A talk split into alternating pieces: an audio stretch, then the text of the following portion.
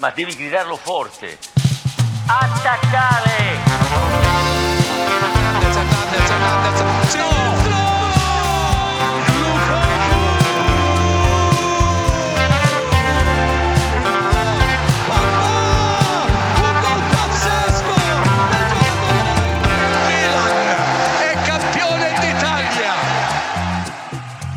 Het was al langer bekend dat eh, Juventus werd onderzocht. In het eh, Prisma-onderzoek sluimert al iets meer dan een jaar, zou ik zeggen. Toch kwam de uitspraak van afgelopen vrijdag een beetje als een donderslag bij heldere hemel. Het was al bekend dat de voetbalrechter iets zou gaan uitspreken. Was niet helemaal duidelijk dat eh, er eerst negen punten tegen Juventus aftrek zou worden gevraagd. Negen punten aftrek. En uiteindelijk 15 punten aftrek zou worden doorgevoerd. Ehm, ja, en wel waarom, eh, Vin? Want dat is natuurlijk een hele ingewikkelde zaak misschien wel. Ja, het is. eh, kijk, dat hele onderzoek dat hangt al eh, een tijdje als een soort ja, donkere wolk boven die hele competitie. Waarvan je eigenlijk niet weet wanneer, wanneer de regen en de donder eruit gaat komen vallen. En vrijdag was eigenlijk de eerste, de eerste hoosbui. Ehm, er werden negen punten in mindering eh, geëist tegen Juventus. Eh, voornamelijk eh, voor, voor hun nogal creatieve boekhouden. Ja. En dit was eigenlijk de, ja, de eerste dolksteek van het Prisma-onderzoek. En dat is een onderzoek dat eigenlijk ja, uit heel veel facetten bestaat. Mhm. Het uitbetalen van salaris is daar een onderdeel van. Het overwaarderen van spelers is daar een onderdeel van. En zo zijn er heel veel dingen waarop met name Juventus, maar ook andere clubs eh, deze periode worden onderzocht. Eh, vrijdag uitspraak, eh, dus over het overwaarderen van spelers. En Juventus is uiteindelijk eh 15 punten omlaag gegaan. Eh, toch een stuk meer dan die 9. Eh, en heel het land was in rep en roer. Absoluut. En dan gaat het toch weer om Juventus. 17 jaar na het eh Calciopoli-schandaal. Toch weer een heel groot schandaal waarbij Juve betrokken is. Ehm, en, en dan kijk je en dan vraag je je af waarom, waarom hebben ze dit gedaan en op welke manier. En wat is het? En wat is het? Nou zijn er de afgelopen jaren veel transfers geweest eh, die wenkbrauwen hebben doen fronsen. Niet, niet alleen bij Juventus. Eh, er wordt al jaar en dag met plusvalenzen gesjoemeld. Ja, en wat zijn plusvalenzen dan? Dat is eigenlijk de winst die je maakt op de verkoop van een speler. Eh, en het is zo ingewikkeld dat er in de transfermarkt, de markt die wij tegenwoordig kennen, dat er niet één waarde is voor een speler. Het is niet zo duidelijk dat als jij Vincent bij Napoli zou spelen, is het niet duidelijk wat jouw waarde is. Het kan, het kan één Wel zijn. heel hoog Wel heel hoog, maar dat kan 1 euro zijn, dat kan 10 euro zijn, dat kan een miljoen zijn, maar dat kan ook 7,6 miljoen zijn Ja.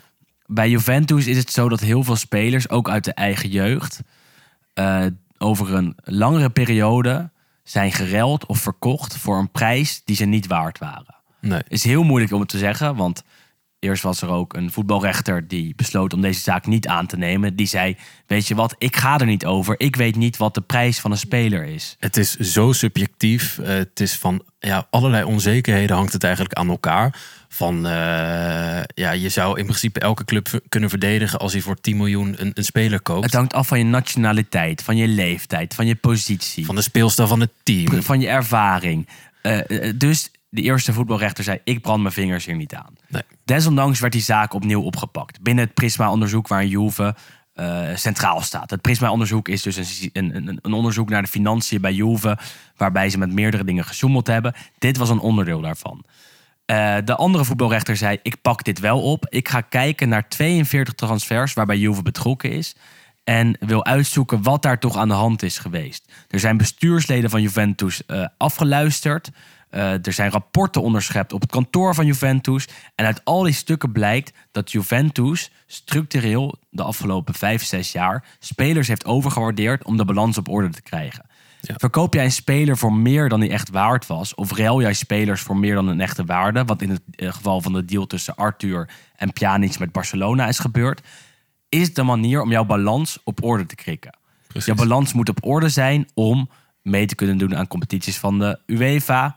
Om je rapporten goed te kunnen overleggen bij de Serie A-organen. Om te voldoen aan financial fair play, exact. dan vraag je je af, waarom doen andere clubs mee aan het overwaarderen van spelers? Nou, vaak eh, is er toch een dealtje gemaakt waarbij er eh, over langere periode toch eh, een speler wordt teruggereld of wordt verkocht. Of eh, worden spelers tegelijkertijd gereld. Dat is in het geval van de deal tussen Arthur en Pjanic zo. Precies. Die waren lang geen eh, bijna 70, 80 miljoen waard. Werden toch op die ma- manier gereld. En dan zie je dat je die spelers op, op, op de boeken eh, kan neerzetten eh, op, de, op de afschrijfwaarde, zeg maar. Hoe zeg je dat? Zeg ik dat zo goed? Ehm, ja, kijk, als jij iets koopt als bedrijf, eh, als jij als softwarebedrijf een hele dure computer koopt voor eh 100.000 euro, Ja. Dan eh, wordt die elk jaar wordt die een eh, x aantal duizenden euro's minder waard. Ligt eraan over hoeveel jaar die wordt afgeschreven. Laten, we zeggen dat hij vijf, jaar, mee kan. Ja. Dus elk jaar eh, staan de kosten in jouw boeken in principe als 20.000 euro per jaar voor die computer. ja. Als jij een hele dure computer in je bezit hebt en die verkoopt, dus laten we zeggen, we hebben ook een hele dure computer staan op ons bureau en die geven aan een ander bedrijf voor 100.000 euro, dan komen die 100.000 euro wel volledig in dit boekjaar. Wat inhoudt dat jij 80.000 euro voor je huidige boekjaar aan ja, soort van overwaarde een bubbel hebt gecreëerd Op je balans. op je balans. En dat gebeurt in Italië sinds nou, eind jaren 90, eigenlijk in ieder geval al heel lang.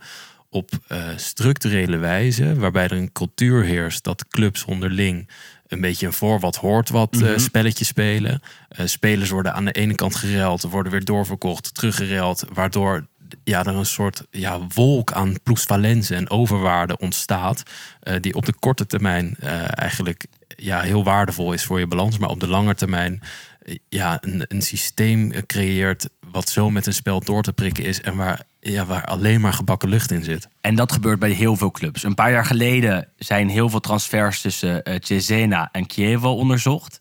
Destijds eh, zijn ook die clubs bestraft. Waarom wordt Juve nu bestraft en voorlopig geen andere clubs? Dat is een goede vraag. Eh, ten eerste omdat Juve volgens de voetbalrechter de spin in het web was. Zij zijn bij 42 van de 62 onderzochte transfers betrokken geweest. Waardoor de, eh, de, de voetbalrechter vindt dat zij dat systeem hebben geleid. Dat blijkt ook uit eh, telefoontjes van de voormalig sportief directeur Paratici met andere technisch directeuren. Waarbij hij het ook zegt, ik doe dit, ik doe dat, ik doe zus, ik doe zo. Geef mij dit, geef ik jou later dat. Exact. Dus, zegt de voetbalrechter, wij moeten Juve bestraffen, want zij hebben dit systeem opgezet. Ja. Waarbij wel moet gezegd worden dat eh, de eh, uitspraak is geweest afgelopen vrijdag. De toelichting van die, afspraak, eh, die uitspraak komt pas aankomende maandag. Ja. Daarin kan staan dat de voetbalrechter heeft besloten om ook andere clubs te gaan onderzoeken. Daarbij zijn clubs zoals Genoa en Sampdoria mogelijk betrokken. Dat is nog niet zeker, maar daar komen we aankomende maandag achter.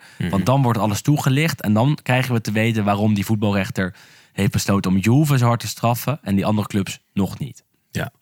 Dus inderdaad, ze stonden centraal in het systeem. Er zijn telefoontjes onderschept, er zijn documenten gevonden. Eh, in dit telefoontje werd bijvoorbeeld eh, gezegd of of gesproken van eh, ja, een soort X op de balans.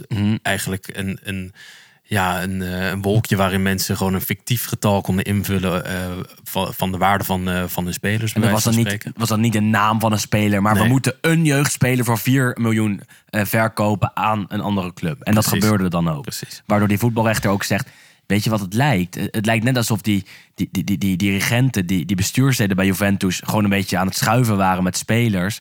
En het niet uitmaakte wie die spelers waren. Ja. Eh, en, en, en, dat is misschien zo. Kijk, ik vind het moeilijk om daar eh, eh, mijn eigen licht helemaal op te laten schijnen. Want ja, weet ik veel wat er in die rapporten stond en op welke manier het is gebeurd. Feit is wel dat het al lang als een zwaard van Damocles boven het hoofd van Juventus hing. Ehm, dit pas het, het, het, het topje van de, van de ijsberg is. Want ja, Juve wordt dus nog met meer financiële wandaden in verband gebracht. Ook met het niet betalen van salaris. Het, of tenminste, eh, tijdens corona zouden ze eh, spelers bepaalde maanden geen salaris hebben hoeven te betalen. Omdat die spelers salaris zouden hebben ingeleverd. Ehm, nu blijkt uit onderschepte berichten, onderschepte rapporten, telefoongesprekken...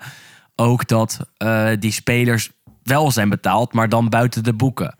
En dat is strafbaar zelfs, want Juventus is een beursgenoteerd bedrijf... en dan mag je al helemaal niet vals boekhouden. Ehm Eén grote shitshow. Eén grote clusterfuck, zei jij net. Clusterfuck, ja. Maar het is wel zo dat, dat Juve echt wel eh, problemen heeft. En dat die 15 punten straks misschien wel op een of andere manier deels terug gaan komen. Maar dat als je nu naar de, naar de ranglijst kijkt, dat je Juve op een tiende plek ziet staan. Terwijl ze anders op dit moment tweede hadden gestaan. Ja, Eh, ze zijn eh, eigenlijk eh, van vorige week voor de wedstrijd bij Napoli. hadden ze potentieel op min 4 kunnen komen. En ze staan nu op min 27. Ja, dus dat is, eh, dat is gigantisch. Dat is, dat is veel. Dat is voor jou als Napoli-fan hartstikke lekker. Maar als je Juventino bent, dan kan ik me voorstellen dat je met uh, Valenza-pokken op bed ligt. Ja. Ehm, Ik ben wel benieuwd naar de mening van Wes hierover. Ik appte hem vrijdagavond al en hij zei... het is toch eigenlijk schandalig dat Juve wordt bestraft en die andere clubs niet. Eh, ik, ik kan me zijn gedachtegang voorstellen. Aan de andere kant kijk je en, en, en zie je toch dat Juve daadwerkelijk... ehm, ja, de spin in het web was. Wat Ja. ik net ook al zei. Ja, ja. Ja, en ze maken het vooral zo moeilijk. Het is Ja. allemaal met eh, zoveel geitenpaadjes en omweggetjes. En eh, eh, ja, het, het, het, het verbaast niet. Ehm, maar, eh, maar ja, het is wel, het is wel heel bizar. Zeker na, eh, zeker na alle gebeurtenissen in 2006 natuurlijk al. Nou, maar eh, bij, bij dit soort dingen verbaas ik me er altijd over. Wat, wat voor shit daar uit- Juventini kan komen soms. Uit sommige, hè. Ik bedoel, dat heb je bij alle clubs. Maar eh, die zeggen nu ook weer dat ze dan onschuldig waren tijdens het Cal- Calciopoli-schandaal. En dan denk ik, ja, daar is toch heel veel bewijs geweest dat Juve heeft gesjoemeld. Oké, misschien dat Inter ook bestraft moeten worden, maar dat staat er nog los van. Eh, en nu weer eh, zie je dat heel veel Juventus-supporters toch weer in de, in de verdediging schieten. Want ze geven massaal eh, gehoor aan de oproep om hun abonnementen bij DAZN eh, op te zeggen. En ook bij Sky Sport. Ja. Ehm, en laten ook op de sociale media en in de media zelf. Want Toetersport is een krant uit Turijn. Waar Juventus een dikke vinger in de pap heeft. Eh, ook daar laten ze eh, van zich horen. En, en, en vinden ze bij Juventus en ook om, om en rond Juventus. dat, dat hen echt eh, heel veel onrecht is aangedaan. En dat is misschien deels zo, maar eerst maar eens afwachten, zou ik zeggen. Ja, kijk wat je net zei. De, de beweegredenen voor de uitspraken worden maandag gepresenteerd. Later deze maand of komende weken worden nog de andere onderdelen van het Prisma-onderzoek gepresenteerd. Dus ja, we kunnen niet zo goed zeggen welke kant het op gaat. Maar dat het, eh, dat het heel dirty is, dat, eh, dat staat in ieder geval vast. Heel erg. Ik denk dat we gewoon naar het voetbal moeten gaan ook. Denk je niet? Ik of moeten we er nog wat over zeggen?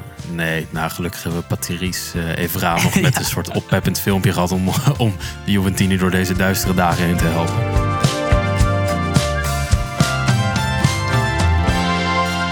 En daarmee komen we dan ook aan het eh, einde van deze korte, kleine explainer-aflevering over de situatie bij Juventus.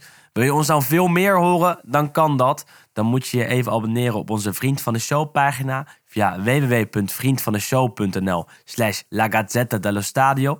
Voor 2,50 euro per maand steun je ons en krijg je toegang tot heel veel extra content, waaronder extra veel updates over de situatie bij Juve.